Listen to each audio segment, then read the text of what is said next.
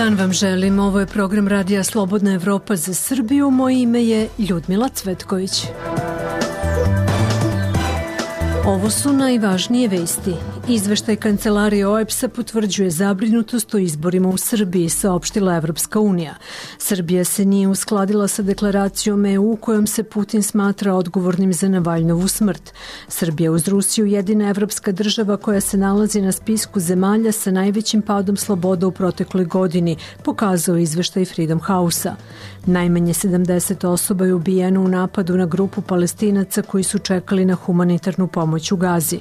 Putin upozorio na rizik od nuklearnog rata ako Zapad pošalje trupe u Ukrajinu. Sutra prepodne oblačno ponegde sa kišom, tokom dana sunčani periodi od 14 do 19 stepeni. U ovoj emisiji, pored ostalog, slušat ćete i ovu priču. Gomile šljake iz rudnika Medvana kod Mrkonjić grada zatrpali su imanja i parcele meštena na kojima su napasali stoku, sejali žitarice i sadili povrće. Evo šta nam je rekla Dragica, meštanka sela Medna.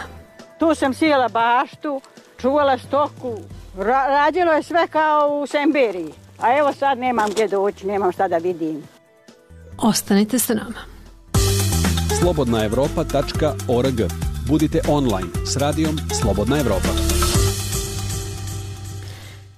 Evropska unija smatra da konačni izveštaj OEPS-ove kancelarije za demokratske institucije i ljudska prava ODIHS o izborima u Srbiji potvrđuje zabrinutost Brisela da izborni proces zahteva vidljivo poboljšanje i dalje reforme, saopštio je port parol Unije Peter Stano.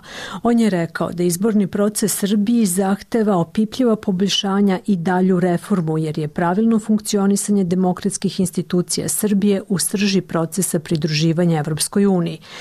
ODIHS Odih je prethodno saopštio da je na vanrednim parlamentarnim izborima u Srbiji dominiralo odlučujuće učešće predsednika države, što je zajedno sa sistemskim prednostima vladajuće stranke stvorilo nepravedne uslove za učesnike.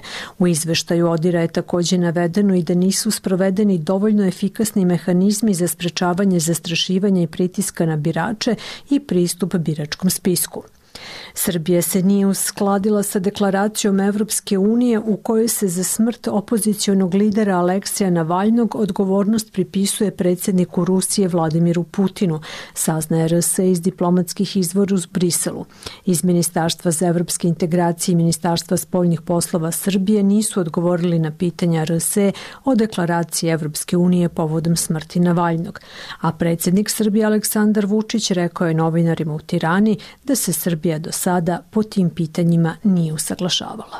Do sada se po takvim pitanjima nismo usaglašavali, a sad za ovaj slučaj stvarno ne mogu da vam kažem jer ne znam. Ali znam da do sada to nismo uradili. Iznenadilo bi me da je drugačije. Iako vi mislite da je to velika tragedija i razlog da nas napadnete, ja ne mislim, ja mislim da je veoma važno da Srbija pažljivo računa, vodi politiku svoju, samostalnu, nezavisnu i da procenju od slučaja do slučaja. Ali pošto ne znam šta piše u tekstu i ne znam šta se dovoljuje, ne mogu do kraja da vam dam odgovor. Srbija je uz Rusiju jedina evropska država koja se nalazi na spisku zemalja u kojima se beleži najveći pad sloboda u protekloj godini, pokazao je izveštaj Freedom House-a. Napredak sloboda je zabeležen u 21. državi. Međutim, senku na to je bacio veliki pad sloboda zabeležen u svim krajevima sveta. Prenosi Iva Gajić. Kategorisana kao delimično slobodna zemlja, Srbija je uz Rusiju jedina evropska država koja se nalazi na spisku zemalja u kojima se beleži najveći pad u protekloj godini. Srbija je zadržala i status jedne od zemalja sa najznačajnijim padom u posljednjoj deceniji. U tom društvu su i Bosna i Hercegovina, Mađarska, Rusija, Turska, Poljska. Kako je za glas Amerike objasnila ekspertkinja Freedom House za Balkan Aleksandra Karpi, jedan od razloga razloga za pad Srbije jesu upravo izbori i manipulacija rezultatima. Neki od drugih faktora uključuju opadajuću transparentnost poslednjih godina. Kako je naglasila, javnost sve više nije u mogućnosti da pristupi informacijama o nabavkama, infrastrukturnim projektima i drugim politikama ekonomskog razvoja. Kao treći razlog za pad sloboda u Srbiji navela je pad indikatora privatnih debata koji je bio rezultat brutalnog omaložavanja opozicionih političara kao i drugih drugih kritičara režima. U intervju za Glas Amerike Aleksandra Karpije je istakla da je Crna Gora jedna od zemalja sa najvećim poboljšanjima u Evropi ove godine uz Češku. Kosovo je napredovalo u proteklim godinama što pokazuju i rezultati kada je reč o zaštiti ljudskih prava i sloboda i efikasnijim političkim procesima koji postiču učešće građana. Međutim, Karpi navodi da je 2023. godina bila zaista teška jer se videlo povećano nasilje u opštinama na severu Kosova što mnoge procese dovodi u pitanje i stavlja dodatni pritisak na vladu da pruži zaštitu svim građanima Kosova.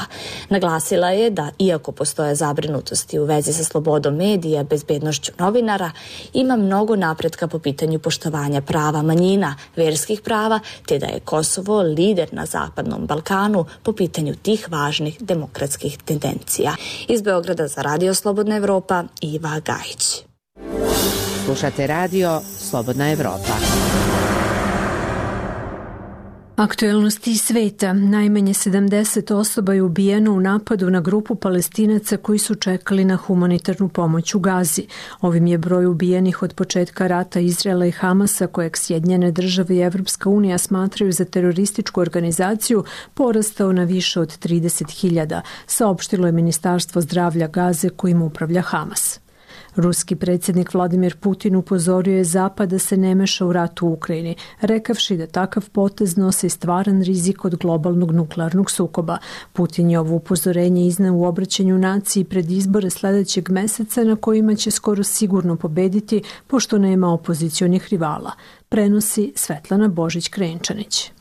Govoreći pred poslanicima i najvišim zvaničnicima, ruski predsednik Vladimir Putin je rekao da Zapad treba da ima na umu da Rusija ima i oružje koje može da pogodi ciljeve na njihovoj teritoriji i ono što oni sada predlažu i plaše svet, sve to podiže stvarnu pretnju nuklearnim sukobom koji će značiti uništenje civilizacije u očiglednom osvrtu na izjavu francuskog predsednika Emanuela Macrona ranije ove nedelje da ne treba isključiti buduće raspoređivanje zapadnih kopnenih trupa u Ukrajini, Putin je upozorio da bi to dovelo do tragičnih posledica za zemlje koje to odluče.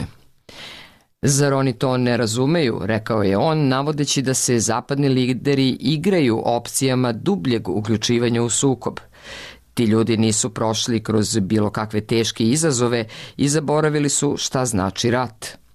Putin je naglasio da su ruske nuklearne snage u punoj pripravnosti, rekavši da je vojska rasporedila moćno novo oružje od kojih su neka testirana na bojnom polju u Ukrajini. On je odbacio izjave zapadnih lidera o pretnji ruskog napada na NATO saveznike u Evropi i tvrdnju Vašingtona da Moskva razmišlja o razmeštanju svemirskog nuklearnog oružja.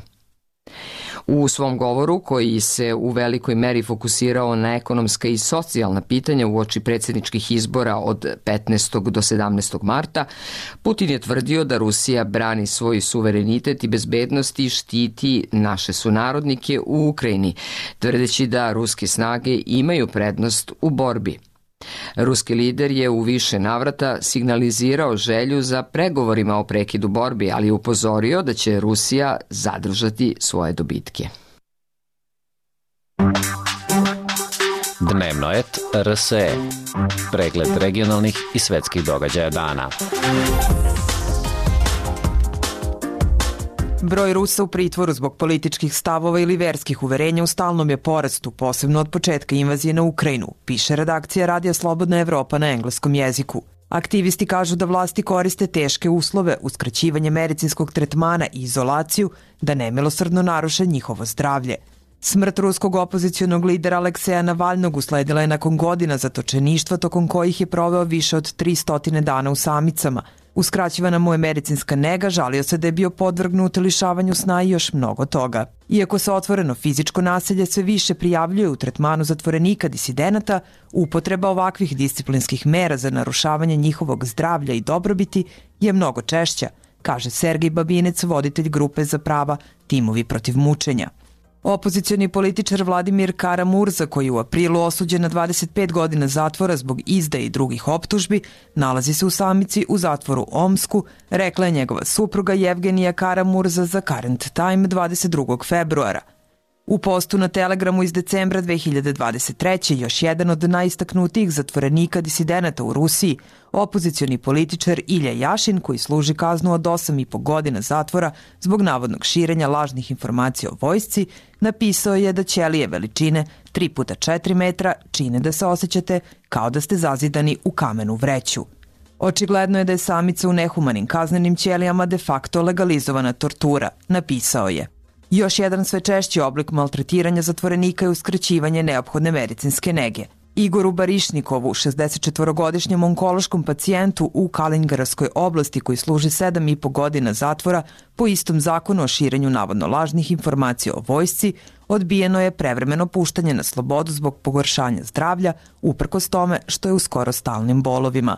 Grupa za ljudska prava Memorial koja je zabranjena u Rusiji trenutno navodi 255 određenih političkih zatvorenika u Rusiji i 424 zatvorenika koji se drže zbog svojih verskih uverenja. Pregled regionalnih i svetskih događaja dana potražite na dnevnoet.rse. Slobodna Evropa.org.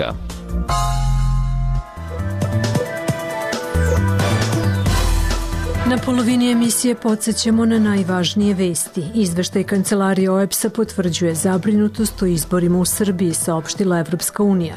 Srbija se nije uskladila sa deklaracijom EU kojom se Putin smatra odgovornim za Navalnovu smrt. Srbija uz Rusiju jedina evropska država koja se nalazi na spisku zemalja sa najvećim padom sloboda u protekloj godini pokazao izveštaj Freedom House-a. Najmanje 70 osoba je ubijeno u napadu na grupu palestinaca koji su čekali na humanitarnu pomoć u Gazi. Putin upozorio na rizik od nuklearnog rata ako Zapad pošalje trupe u Ukrajinu. Sutra prepodne oblačno, ponegde sa kišom, tokom dana sunčani periodi od 14 do 19 stepeni. slike svakodnevnice šta muči ili inspiriše mlade kako prošle političke odluke utiču na našu budućnost. Ove i druge teme slušajte u podcastima Radija Slobodna Evropa. Sve epizode pronađite na iTunesu, Spotify, Google podcastima, kao i na slobodnaevropa.org. Slušajte odmah ili preuzmite epizodu za kasnije. Tu smo svakog dana. Podcast i radija Slobodna Evropa. Predsednik Vojnog sindikata Srbije Novica Antić i dvojica njegovih najbližih saradnika Predrag Jeftić i Duško Tolmač pušteni su noćas posle višečasovnog saslušanja u posebnom odeljenju za suzbijanje korupcije Višeg suda u Novom Sadu da se brane sa slobode. Ministarstvo odbrane nije odgovorilo na upit RSE, a o slučaju Antić do sada se nisu oglasili ni Ministarstvo unutrašnjih poslova, kao ni Viši sud i Više tužilaštvo u Novom Sadu, javlja Branko Vučković. Predsednik Vojnog sindikata Srbije Novica Antić rekao je radiju Slobodna Evropa da su s obzirom na višenedeljnu kampanju koju su protiv njega vodili provladini tabloidi, a pogotovo nakon izjave ministra odbrane da Vojni sindikat treba zavraniti, ovakav razvoj događaja očekivali. On je naglasio da je kampanja protiv sindikata orkestrirana iz delova Vojno-bezbednostne agencije. Da su pokušali da prikažu da je u sindikatu došlo do pronevere velike količine novca i, i, i da, je, da je rukovodstvo sindikata nenamenski koristilo sredstva sindikata. Doveli su u pitanje odluke koje su mi kao rukovodstvo donosili vezano za solidarne pomoći članovima. Zamislite kad vi prikažete da je u sindikatu proneverno nekoliko miliona dinara zato što ste davali svojim članovima solidarne pomoći. Dakle, po tome bi svaki sindikat u Srbiji trebao da bude krivično procesuiran. Antićev advokat Siniša Lunić kaže za Radio Slobodna Evropa da se krivični postupak nastavlja, ali da ne isključuje ni mogućnost da tužilac odustane od daljeg gonjenja. Početka smatra da je ovo bila jedna vrsta političkog progona, nijedna činjenica ne ukazuje na to da je izvršeno bilo kakvo krivično delo. Nama je bilo veoma bitno da u ovoj fazi postupka oni ne budu pritvoreni, jer bi samim tim došlo do gušenja vojnog sindikata. Pripadnici uprave kriminalističke policije upali su u utorak 27. februara u porodičnu kuću Novice Antića u Kragujevcu. Pretresli je i zaplenili njegov službeni laptop i mobilni telefon. Antić je potom priveden u policijsku upravu u Kragujevcu Kragujevcu, gde mu je određena mera policijskog zadržavanja do 48 sati, nakon čega je sproveden u Novi Sad, gde je noćas saslušan u teritorijalno nadležnom višem sudu. Radio Slobodna Evropa, Branko Vučković. slobodnaevropa.org Budite online s radijom Slobodna Evropa. Švedska kompanija CRBC koja je gradila prvu deonicu autoputa Bar Boljare, drugi je najveći porezki dužnik u Crnoj Gori. Uprkos tome zainteresovana i za nastava gradnje ovog puta, pripremio Miloš Rudović. Prema crnoj listi 200 najvećih dužnika Poreske uprave Crne Gore, dug kineske kompanije CRBC na kraju prošle godine bio oko 11,2 miliona eura. Za gradnju prve dionice autoputa, čiji 41 km košta oko milijardu eura, imala je posebne poreske i carinske olakšice. Ines Smrdović iz akcije za socijalnu pravdu za Radio Slobodna Evropa kaže da je nedopustivo da kompanija koja imala poseban tretman ima poreski dug prema državi kada uzmete u obzir ovaj iznos, dakle od 836 miliona eura koliko je CRBC-u isplaćeno iz državnog trezora, e, sada činjenica da se ono nalazi na crnoj poreskoj listi je zaista nedopustiva. Ukoliko ste doveli stranog partnera da on gradi najveći infrastrukturni projekat u Crnoj Gori i iz državnog trezora mu isplatili toliko novca, onda je nedopustivo da on ima jedan euro e, duga e, prema prema poreskim vlastima ove države. I CRBC i poreske uprave nisu odgovorili na upit Radija Slobodna Evropa o poreskom dugu. CRBC je prvu dionicu dugu 41 km koja povezuje periferiju Podgorice sa Kolašinom na sjeveru Crne Gore gradila 7 godina, a završetak radova odlagan je 5 puta. Ova dionica je tek četvrtina planiranog puta, koji u dužini od oko 170 km treba da spoji bar na jugu i Boljare, na granici prema Srbiji. CRBC je zainteresovana da gradi druge dionice. Crnogorskoj vladi prošle godine predočila je da su spremili detaljne elaborate, komercijalnu studiju i okvirne uslove za nastavak projekta. Gäste. Predlažu da se dionice realizuju putem modela privatno-javnog partnerstva. A državni Monte Put je umeđu vremeno 31. januara raspisao tender vridan oko 5 miliona eura za izradu idejnog rešenja za drugu dionicu, od Andrijevice preko Berana do granice sa Srbijom. Brdović smatra da gradnja prve dionice ne preporučuje CRBC za nastavak saradnje. One su prisutni ovdje dosta i u regionu, kad kažem regionu, mislim dominantno na Srbiju. Oni će vjerovatno koristiti sve svoje pozicije da eventualno nastave gradnju neku, neke dionice autoputa, ali ako me pitate za moje lično mišljenje, ja ne smatram da je CRBC bila najbolji mogući partner za gradnju ove prve dionice autoputa. To je ostalom pokazao čitav niz problema koji su se dešavali tokom gradnje ove prve dionice i onih koji su na kraju isplivali u javnost, a i mnogi koji su bili samo na nivou glasina. Za Radio Slobodna Evropa, Miloš Rudović. Nakon istraživanja Radija Slobodna Evropa o prodaji lažnih debitnih kartica sa likom bivšeg američkog predsednika Trumpa, ugašeno je više od 30 sajtova preko kojih su prodavane. To je trećina ukupno broja web sajtova koji su pronašli novinari RSE. Sadržaj je obrisani sa nekoliko telegram kanala preko kojih su komunicirali makedonski prodavci lažnih finansijskih proizvoda. Istraživanje Radija Slobodna Evropa razotkrilo je internet mehanizam koji su uspostavile desetine makedonaca mahom iz grada Velesa sa ciljem da izvuku novac od građana Amerike. Kroz reklame, Amerikancima se sugeriše da će danas kupljeni proizvodi sa likom Trumpa vredeti milione nakon njegovog povratka na vlast. Zapravo, nude se potpuno bezvredne kartice, novčići stikeri, markice i brojni slični proizvodi. Nadležni organi u Severnoj Makedoniji i Americi nisu se oglašavali ovim povodom, a nakon objavljivanja istraživanja Radija Slobodna Evropa. Kako su kreatori lažnih Trump kartica počeli da brišu digitalne tragove, pročitajte na sajtu slobodnoevropa.org. U nastavku sledi priča koju smo najavili na početku emisije. Gomile šljake iz rudnika Medna kod Mrkonjić grada zatrpale su imanja i parcele meštana na kojima su napasali stoku, sejali žitarice i sadili povrće. Ogromna količina zemlje sve se više spušta ka štalama i kućama, a ekolozi i meštani upozoravaju da rudnik zagađuju i obližnje potoke i rečice koji se ulivaju u reku Sanu. Ekolozi tvrde da se posledice zagađenja vide desetinama kilometara nizvodnu u opštinama Ribnik, Ključ i Sanski most, zabeležio Gojko Veselinović. Tamo gdje su prije dvije godine bili pašnjaci, bašte i oranice, dragice mještanke sela Medna, sada je rudnik. Tu ugalj kopa preduzeće Medna NV iz Mrkonjić grada po osnovu koncesije dodijeljene u januaru 2021. godine. Dragica priča da je odlagalište šljake iz rudnika zatrpalo njene parcele, prilazni put štalama i da od njenog posjeda gotovo ništa nije ostalo. Tu sam sijela baštu, čuvala stoku, ra radilo je sve kao u Semberiji. A evo sad nemam gdje doći, nemam šta da vidim. Rudnik se prema dozvoli trebao prostirati na nešto više od 3 hektara površine, ali mještani tvrde da je 3 do 4 puta veći. Dragica kaže da su pod zemljom ostale i njene parcele za koje nije obeštećena.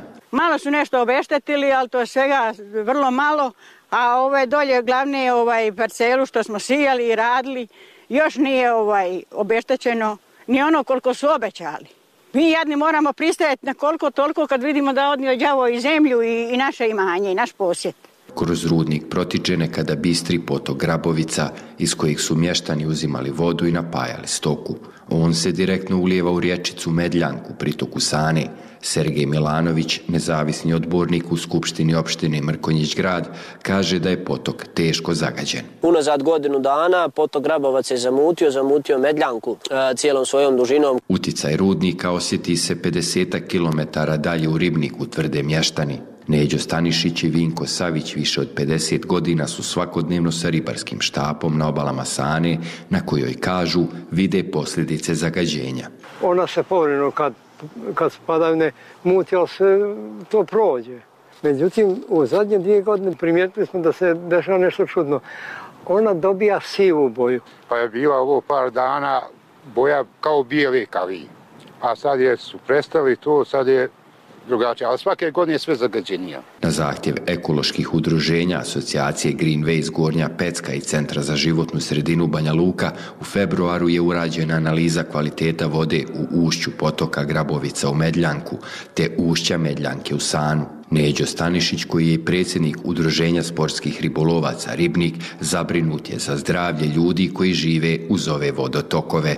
Zamislite da li se može jesti riba iz ove rijeke? Mogu li se kupati u ovoj rijeci. Imaju ljudi ovdje poljoprivredna imanja, imaju njivu, imaju voće pored. Iz kompanije nisu odgovorili na upit radija Slobodna Evropa o optužbama za kršenje ekološke dozvole i zagađenje vodotoka. Za zaštitu životne sredine nadležno je Ministarstvo prostornog uređenja, građevinarstva i ekologije iz kojeg su odgovorili da investitor ima sve potrebne dozvole za rad, uključujući i ekološku dozvolu Nataša Mazalica, Udruženje građana Greenways. Mi smo nekoliko puta poslali dopise inspekcijskim organima, međutim nismo dobili adekvatne odgovore i evo i do dan danas zapravo vidimo da investitor i dalje zagađuje. Inspektorat Republike Srpske nije odgovorio da li su postupali po prijavama mještana i ekoloških udruženja. Za radio Slobodna Evropa iz Banja Luke, Gojko Veselinović. Slike svakodnevnice šta muči ili inspiriše mlade kako prošle političke odluke utiču na našu budućnost. Ove i druge teme slušajte u podcastima Radija Slobodna Evropa. Sve epizode pronađite na iTunesu, Spotify, Google podcastima, kao i na slobodnaevropa.org. Slušajte odmah ili preuzmite epizodu za kasnije. Tu smo svakog dana. Podcasti Radija Slobodna Evropa.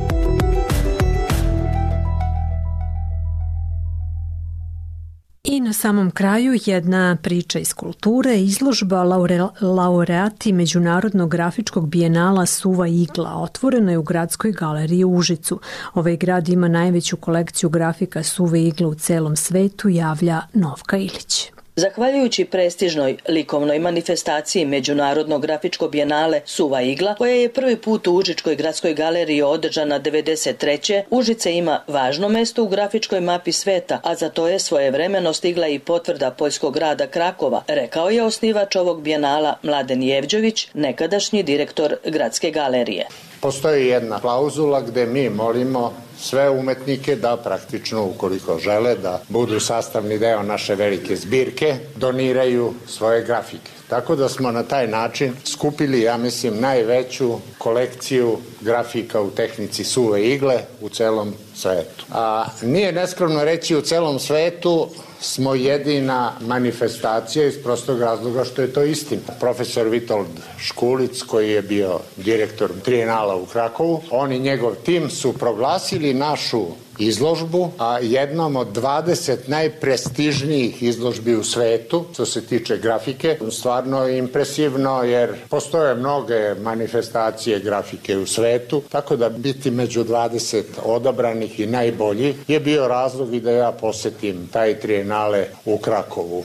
Praktično smo dobili pravo da naši laureati po pozivu učestvuju na Krakovskom trijenalu. O prepoznavanju ove manifestacije prema rečima Zorana Cvetića, aktuelnog direktora Gradske galerije, svedoči i broj zemalja koje su imale svoje predstavnike na suvoj igli tokom tri decenije njenog postojanja, a izložba takođe potvrđuje i teško dostižne standarde grafičke discipline kakva je suva igla. Od Estonije do Tajlanda, od Argentine do Japana, od Španije do Rusije, kada za ovih 30 godina prebrojimo kontinente, države i gradovi iz kojih su putovali grafički listovi do Užica, kada pogledamo 50 nagrađenih, od više od 1000 pristiglih radova na bijenalni konkurs, kada se samo nabroji imena likovnih kritičara, teoretičara, istoričara umetnosti, akademskih slikara, grafičara koji su učestvovali u radu žiriranja bijenala, shvatimo da sve narečeno daje puni smisao ovoj izložbi, ovoj međunarodnoj manifestaciji koja ima svoje posebno mesto na grafičkoj mapi sveta. Izložba nagrađenih radova Međunarodnog bijenala Suva igla otvorena je u Užicu u okviru projekta Užice nacionalna prestonica kulture za 24. a ljubitelji ove vrste grafičke umetnosti moći će je u Gradskoj galeriji videti do 17. marta. Za Radio Slobodna Evropa iz Užica, Novka Ilić. U svijetu brzine, kakofonije i površnosti jedan podcast usporava sliku. Virimo ispod površine, fokusiramo gigabajte bitnih životnih fenomena i zipujemo ih u 30 totalno ljudskih minuta. Ja sam Lilo Omeregić-Ćatić, ne diraj mi vodu. Ja vodu sa česme ne pijem, ja sam Nevena Bogdanović. Pekla je zvijezda, izgore se. Ja sam Predrag Tomović. ZIP, Zaviri ispod površine, podcast Radija Slobodna Evropa, regionalni autorski podcast u kojem pokušavamo da bolje razumijemo ljude, društva, pojave, fenomene svakodnevnog života, ali i one koji opstaju kroz život i vrijeme. Nije živeti i preživljavati nije isto. Kakav evropski gigant, kakav, u čemu smo prvi? Po zagađanosti smo sa prvi, što to ne izađu da kažem? Ukupno 18 jezera, čine gorske oči. Aktivizam ili optimizam? I jedno i, I jedno i drugo, aktivizam Može uvek. jedno drugo zajedno? Aktivni optimizam. Pa, Na skali od 1 do 5, od, od 5 do 10 navike čitanja su. Od 1 do 10, 8. Ne, od 1 do 5, 4. Okay. Da dočekam da se vi udate pa da... Baba, to nema veze sa koronom. Mrkvica i luk i salata. Paradajz je isto tu super ono raja. U stvari ne izvozimo ništa nego ovo sunce i ovo more. Nemamo što da izvezimo. I dosta je nesrećno stanje nacije. Internet je samo skener. Rad je direktni proizvod patriarhata. Slušajte nas svakog ponedjeljka na vašim omiljenim podcast aplikacijama.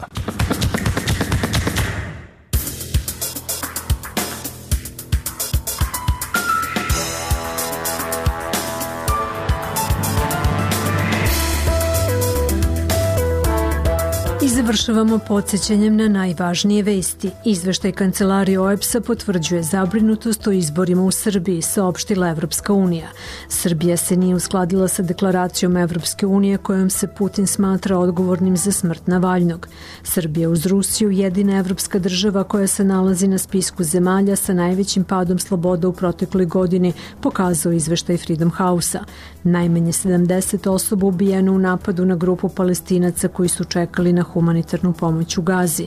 Putin upozorio na rizik od nuklearnog rata ako Zapad pošalje trupe u Ukrajinu. Sutra pre podne oblačno, ponegde sa kišom, tokom dana sunčani periodi, temperatura od 14 do 19 stepeni. Beogradskog studija Radija Slobodna Evropa pozdravljaju vas Nenad Branković i Ljudmila Cvetković. Naša naredna emisija na programu je u 18 sati. Umeđu vremenu pratite nas na slobodnaevropa.org i na našim društvenim mrežama. Prijetno!